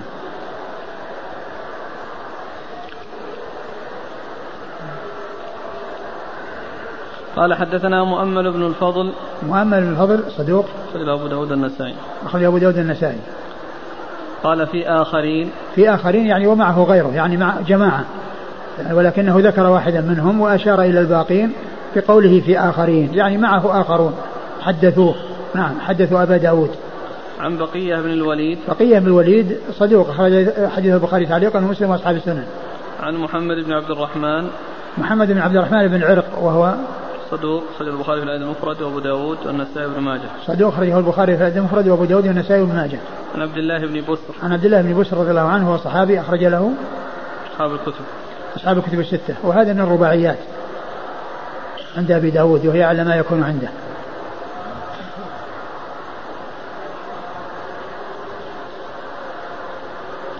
قال رحمه الله تعالى باب الرجل يستأذن بالدق. قال حدثنا مسدد قال حدثنا بشر عن شعبة عن محمد بن المنكدر عن جابر رضي الله عنه أنه ذهب إلى النبي صلى الله عليه وآله وسلم في دين أبيه فدققت الباب فقال من هذا؟ قلت أنا. قال أنا أنا كأنه كرهه. ثم ورد أبو داود باب الاستئذان بالدق يعني دق الباب وطرق الباب. وهذا يمكن أن يكون فيما إذا كان المكان يعني بعيد. قد لا يصل الصوت. والدق يعني هو الذي يصل. وإلا فإن السلام هو الأولى. وإذا دق و يعني الباب فإنه يحصل به المقصود من جهة أن صاحب المكان يتنبه فيأتي لمن طرق الباب. فالرسول صلى الله عليه وسلم لما سمع الطرق قال من؟ من؟ قال من, من هذا؟ فقال جابر أنا. فقال الرسول صلى الله عليه وسلم أنا أنا يعني كأنه كره ذلك. لأن هذا ما يحصل بفائدة لأن أنا هو ما يفيد التعيين لأن كل واحد يصدق عليه أن يقول أنا. ولكن كونه يعين آه، اسمه ما باسمه أو بكنيته أو بنسبته أو ما إلى ذلك آه، هذا هو الذي يحصل به المقصود والفائدة. أما كونه يقول أنا فإن هذا ما حصل المقصود لأن أنا يمكن أن تكون مع المشاهدة والمقابلة. المشاهدة مع المقابلة يقول أنا. أما كونه يعني من وراء الباب ثم يقول أنا هذا ما حصل فيه نتيجة لأن كل واحد يستطيع أن يقول أنا. وأما مع المش...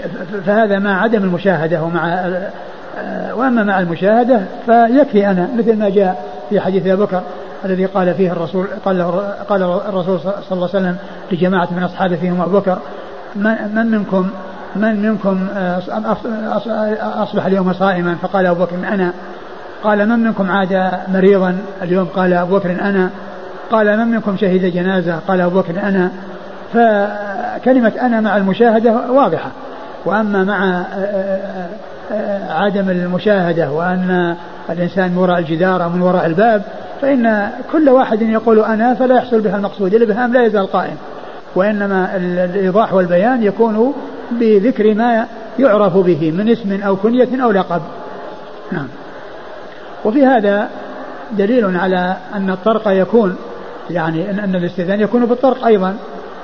ولكنه بالسلام أولى ويمكن أن يكون الطرق فيما إذا كان المكان بعيد وأنه يعني ما السلام ما, ما يصل وأن الطرق هو الذي يصل. نعم. قال حدثنا مسدد. مسدد بن مسرهد البصري ثقة أخرجه البخاري وأبو داود والترمذي والنسائي. عن بشر. عن بشر بن المفضل وهو ثقة أخرجه أصحاب كتب الستة. عن شعبة. عن شعبة بن الحجاج الواسطي ثم البصري ثقة أخرج له أصحاب كتب الستة. عن محمد بن المنكدر.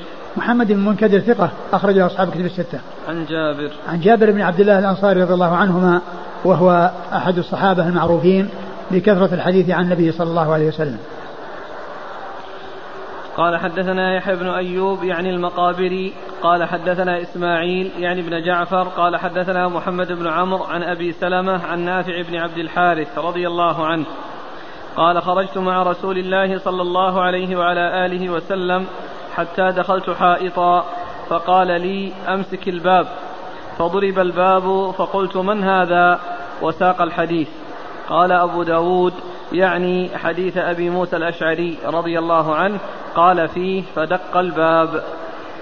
ثم ورد أبو داود حديث نافع بن عبد نافع بن عبد الحارث رضي الله عنه أنه جاء إلى النبي قال جاء النبي خرجت مع رسول الله صلى الله عليه وسلم حتى دخلت حائطا.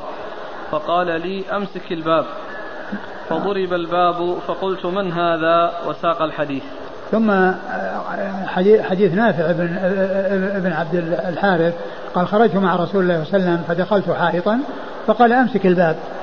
يعني آه، أمسك الباب يعني حتى يعني لا يدخل أحد إلا بإذن. فأمسك الباب فطرق.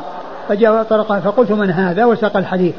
يعني كما في قصة أبي, أبي, أبي موسى الذي كان جاء و آه، آه، قال لا أكون بوابا لرسول الله صلى الله عليه وسلم. فطرق جاء أبو بكر وطرق الباب وقال من؟ قال أبو بكر. قال على رسلك. فذهب واستأذن الرسول صلى الله عليه وسلم. فقال أبو بكر يستأذن. فقال إذن له وبشره بالجنة. حتى جاء عمر وعثمان رضي الله تعالى عنهما وكل منهما قال بشره بالجنة إلا أنه قال في عثمان بشره بالجنة على بلوى تصيبه. ومحل الشاهد منه أنه قال طرق الباب دق الباب دق الباب. في آخره دق الباب يعني الذي الذي من الخارج دق الباب. فهذا يدل على أن الاستئذان يكون بدق الباب.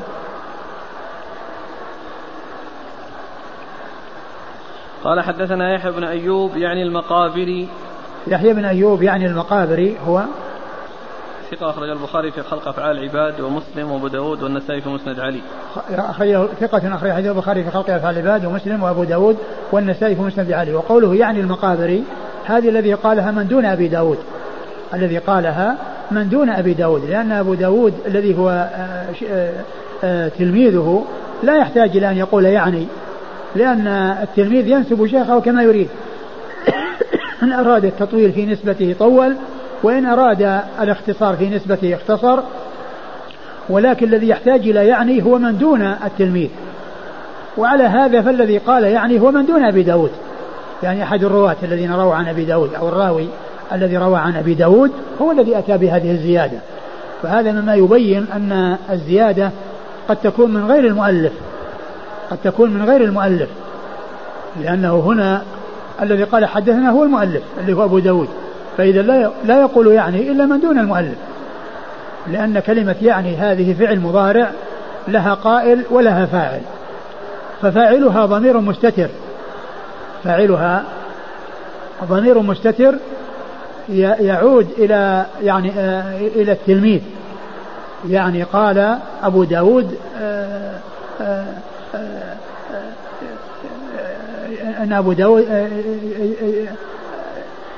قال فاعلها الذي قال يعني هو يرجع إلى أبي داود يرجع إلى أبي داود اللي هو التلميذ وقائلها هو من دون أبي داود أراد أن يوضح هذا الشخص وأنه المقابري فأتى بكلمة يعني حتى لا يفهم أنها من كلام أبي داود لأنه لو لم يذكر كلمة يعني لفهم أنها من كلام التلميذ فلما أتي بها عرف أن فاعل يعني آآ آه، آآ آه، أنه آآ آه، ضمير يرجع إلى أبي داود وقائلها هو من دون أبي داود.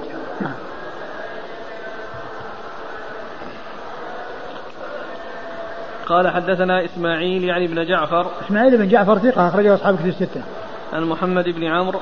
عن محمد بن عمرو بن علقمة وقاص الليثي صدوق أخرجه أصحاب كتب الستة. عن أبي سلمة. عن أبي سلمة بن عبد الرحمن بن عوف وهو ثقة فقيه أخرج له أصحاب كتب الستة. عن نافع بن عبد الحارث. عن نافع بن الحارث رضي الله عنه هو صحابي آه، أخرج له البخاري في المفرد ومسلم وأبو داود والنسائي وابن ماجه. البخاري في المفرد ومسلم وأبو داود والنسائي وابن ماجه. قال أبو داود يعني حديث أبي موسى الأشعري. يعني حديث أبي موسى الأشعري الذي فيه قصة الطرق والاستئذان و نعم. هل يقوم رن الجرس مقام طرق الباب؟ نعم يقوم.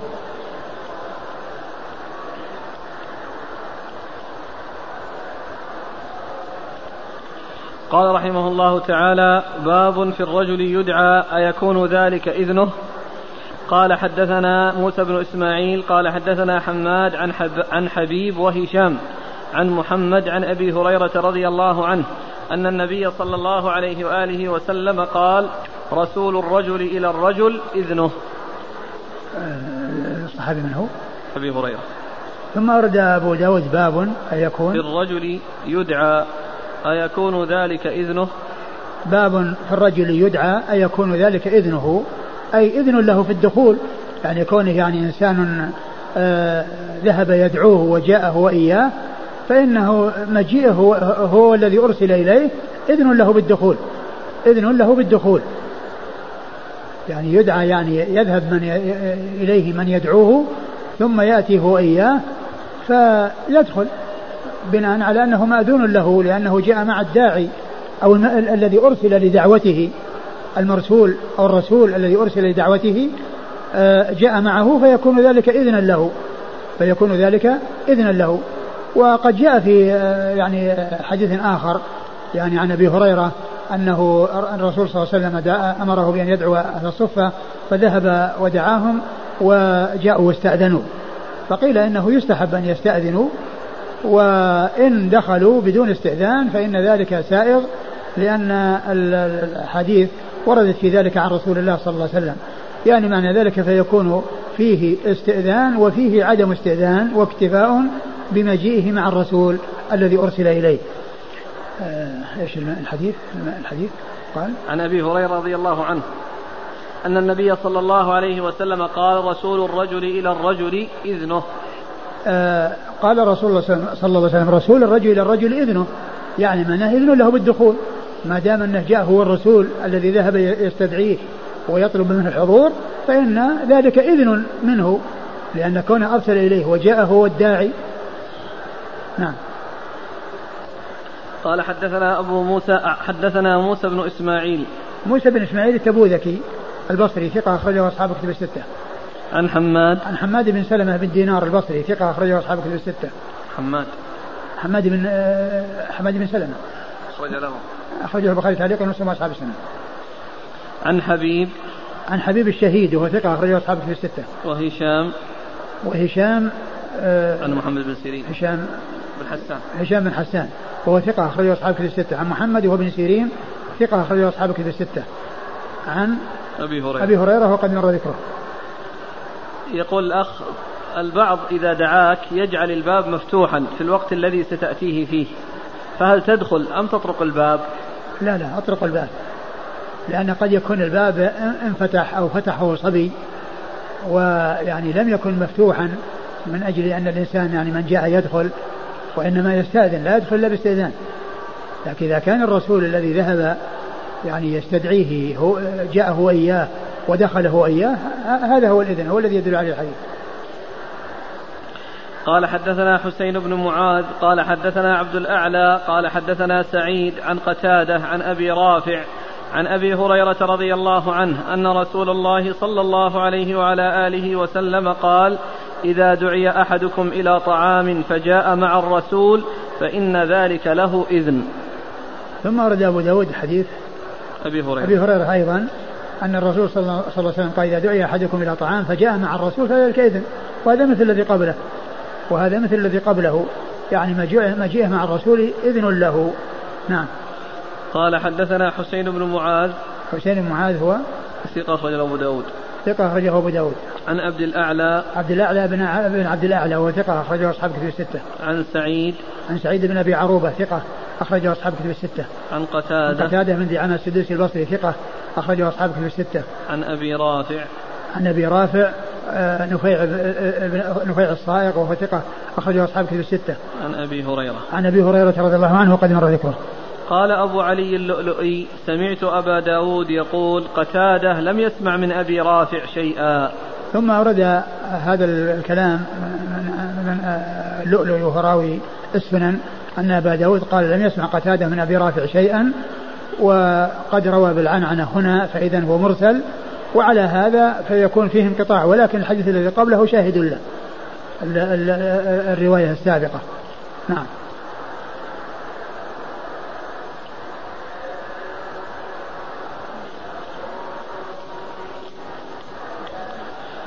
قال رحمه الله تعالى باب الاستئذان في العورات الثلاث. قال حدثنا حدثنا ابن السرح قال حدثنا قال حاء وحدثنا ابن الصباح بن سفيان وابن عبده. وهذا حديثه قال أخبرنا سفيان عن عبيد الله بن أبي يزيد أنه سمع ابن عباس رضي الله عنهما يقول لم يؤمر بها أكثر الناس آية الإذن. وإني لآمر جاريتي هذه تستأذن علي. ثم ورد أبو داود باب في الاستئذان في العورات الثلاث. أي في أوقات الأوقات الثلاثة التي يكون فيها التكشف ويعني آه، التي يكون فيها التكشف وهي قبل صلاة الفجر وذلك في آخر الليل يعني كون الناس يعني في آخر نومهم. وعندما يضعون ثيابهم من الظهيرة يعني للقيلولة ومن بعد صلاة العشاء الذي هو أول النوم الذي الناس بدأوا في النوم فهذه أحوال يعني يكون فيهم التكشف ويكون الرجل متكشفا مع أهله فلا يعني يدخل عليه إلا بإذن ممن يعني آه ممن يطوفون عليه كال كال كالخدم وكالصبيان يعني يستأذنون يعني في هذه الأوقات الثلاثة يستأذنون في هذه الأوقات الثلاثة يعني حتى لا يقع بصرهم على شيء آه، آه، في هذه الأوقات الثلاثة. آه، وقد أورد أبو داود أثر ابن عباس هذا الأثر عن ابن عباس أنه قال لم يؤمر لم يؤمر بها أكثر الناس. آية الإذن. وإني لآمر جاريتي هذه تستأذن علي. لم يؤمر بها أكثر الناس. يعني آية الإذن وإني لآمر جاريتي تستأذن علي. يعني وفي بعض الألفاظ لم يؤمن بها أعمل أكثر الناس. والمقصود بيؤمن يعني يعمل. وقد جاء في بعض الروايات أنهم كانوا في أول الأمر البيوت. يعني ليس فيها في, في, في قلة وليس هناك ستور. وبعد ذلك كثرت الستور فكان كثير من الناس لا يحتاج إليها لأن هناك ستور يعني آه، لا يتجاوزها الداخلون فلا يقعون على شيء من العورات فلا يقعون على شيء من العورات. وفي آه، بعض الألفاظ التي وردت أنه لم يؤمن بها يعني لم يعمل بها مما يبين أن العمل من الإيمان وأنه داخل في الإيمان. وهنا قال لم يؤمر بها أكثر الناس يعني لم يؤمر بها أكثر الناس الرواية الثانية يؤمن وهي بمعنى يعمل وهي أوضح والأمر يعني موجود ولكنه يعني كما هو معلوم الأمر هنا للخدم وللأولاد الذين لم يبلغوا الحلم. وأما غيرهم فإنهم يستأذنون يعني في جميع الأوقات يستأذنون في جميع الأوقات يعني كما جاء ذلك بالنسبة للأجانب فإنهم يستأذنون في ال في ال كما جاء في أول سورة سورة النور. نعم.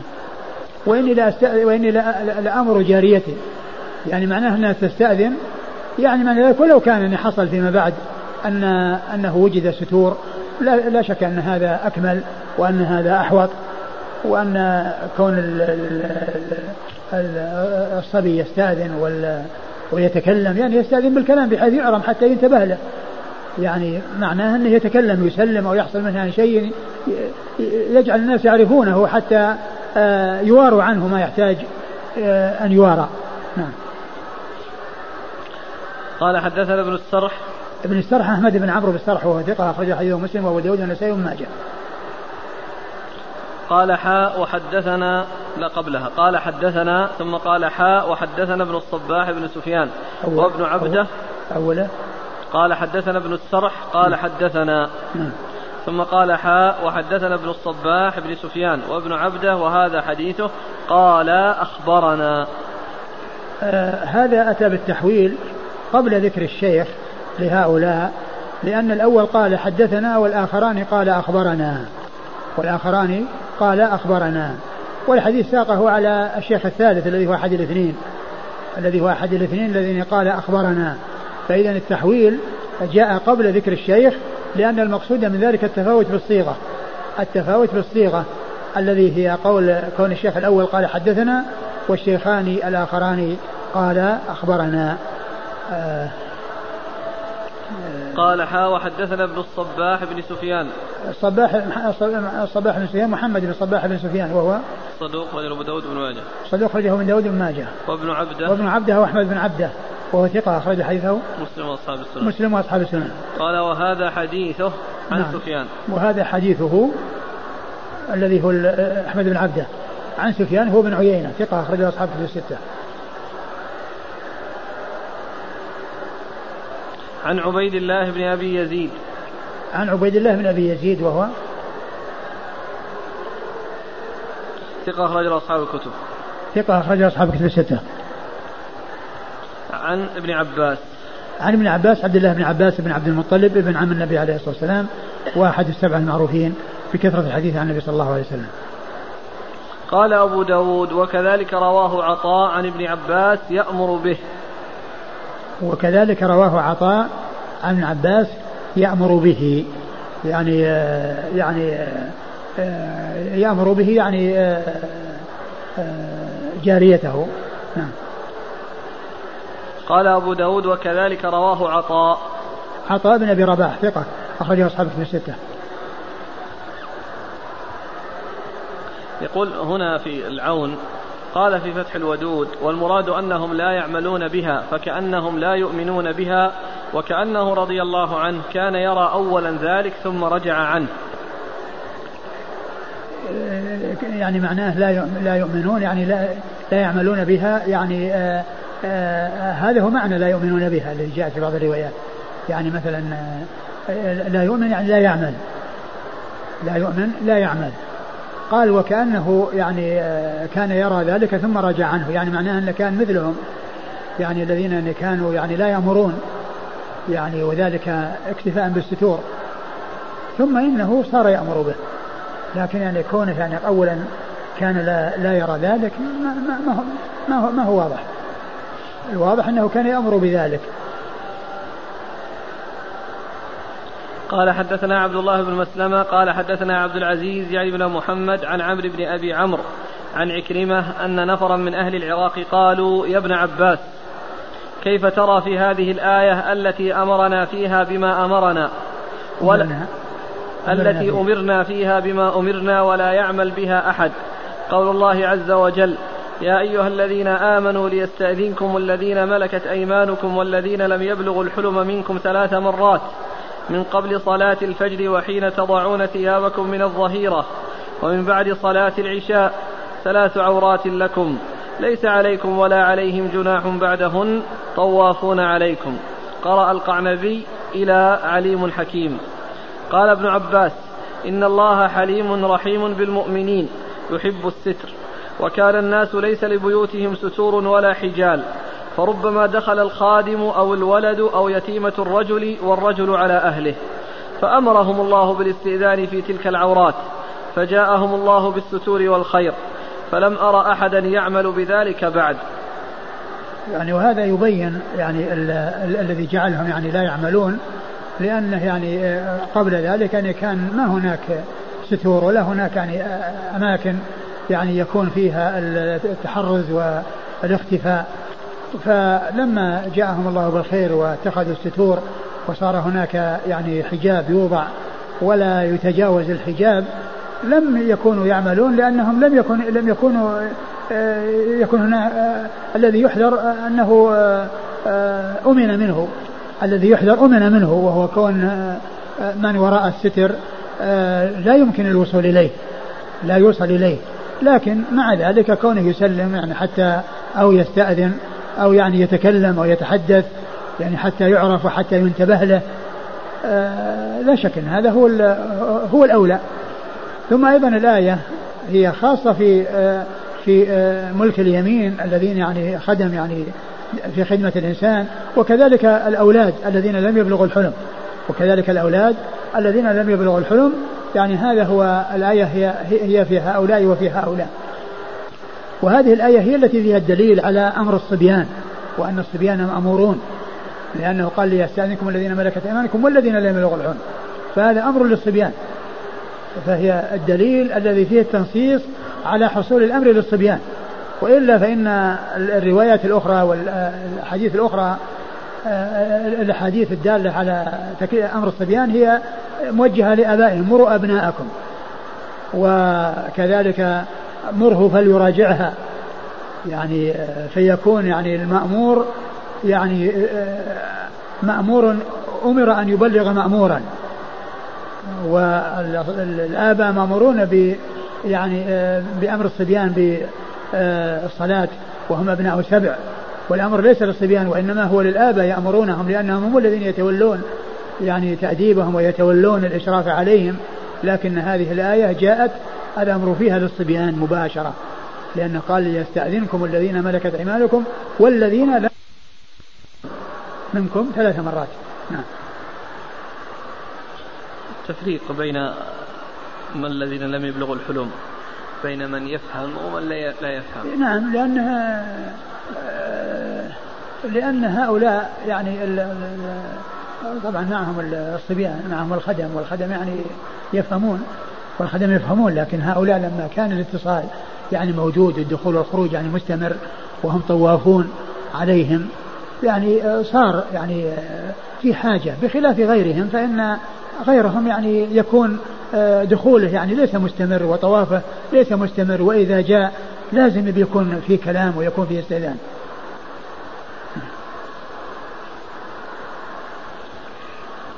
قال حدثنا عبد الله بن مسلمة عبد الله بن مسلمة القعنبي ثقة أخرج حديث أصحاب كتب الستة إلا ابن ماجه.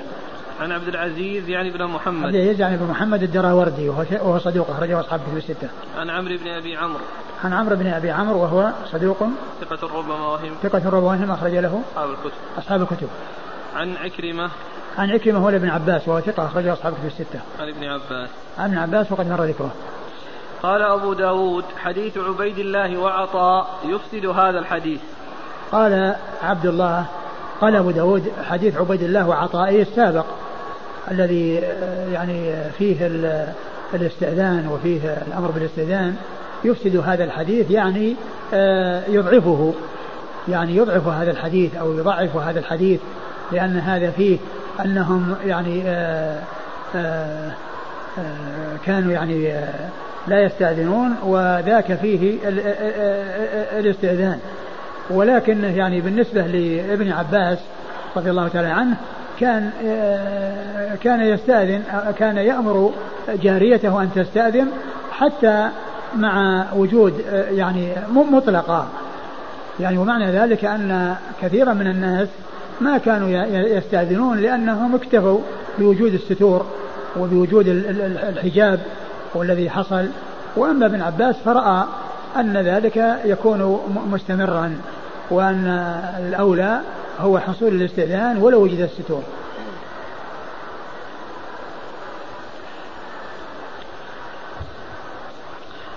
يقول هل آية الاستئذان هذه خاصة بالمتزوجين أو تشمل حتى غيرهم؟ لأن العلة هو ما يجري بين الأزواج.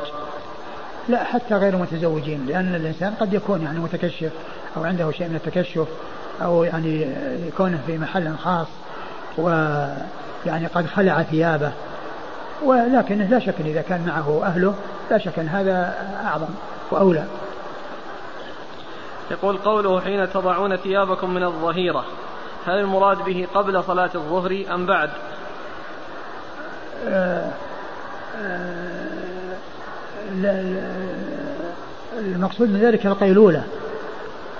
ومعلوم أن أنهم كانوا يقيلون بعد الظهر.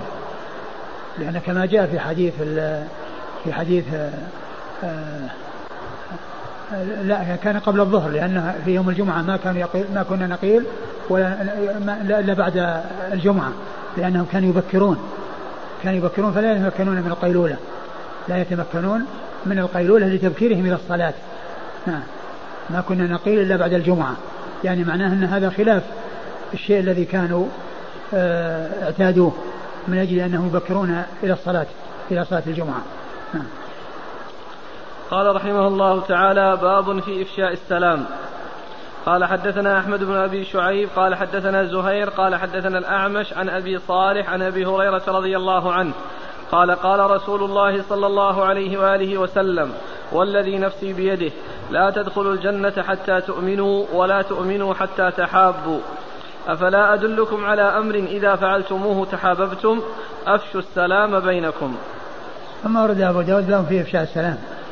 وإفشاء السلام هو إظهاره ويعني إشاعته وكونه يسلم بعضهم على بعض ويسلم على من عرف عرف ومن لم يعرف.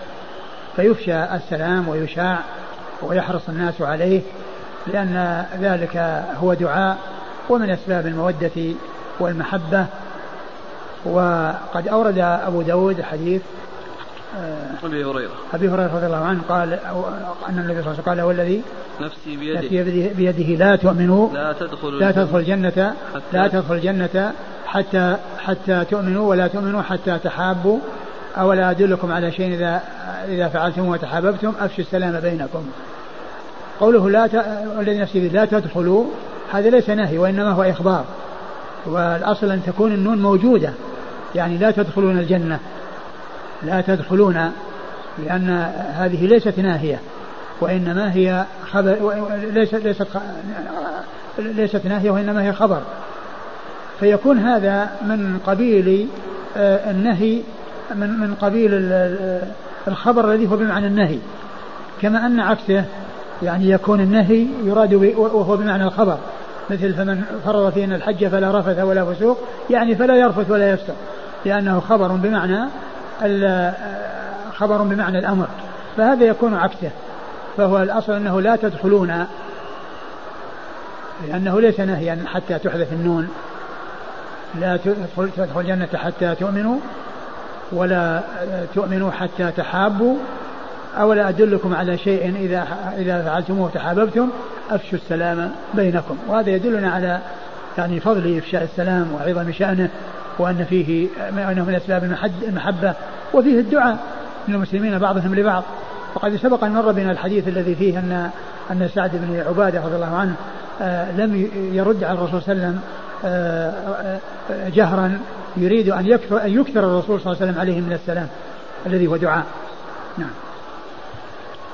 قال حدثنا أحمد بن أبي شعيب. أحمد بن عبد الله بن أبي شعيب وهو ثقة. أخرجه البخاري وأبو داود والترمذي والنسائي. أخرجه البخاري وأبو داود والترمذي والنسائي. عن زهير. عن زهير بن معاوية ثقة أخرجه أصحاب كتب الستة. عن الأعمش. عن الأعمش سليمان بن مهران الكاهلي الكوفي ثقة أخرج له أصحاب كتب الستة. عن أبي صالح. عن أبي صالح وهو ذكوان السمان ثقة أخرج له أصحاب كتب الستة. عن أبي عن أبي هريرة وقد مر ذكره.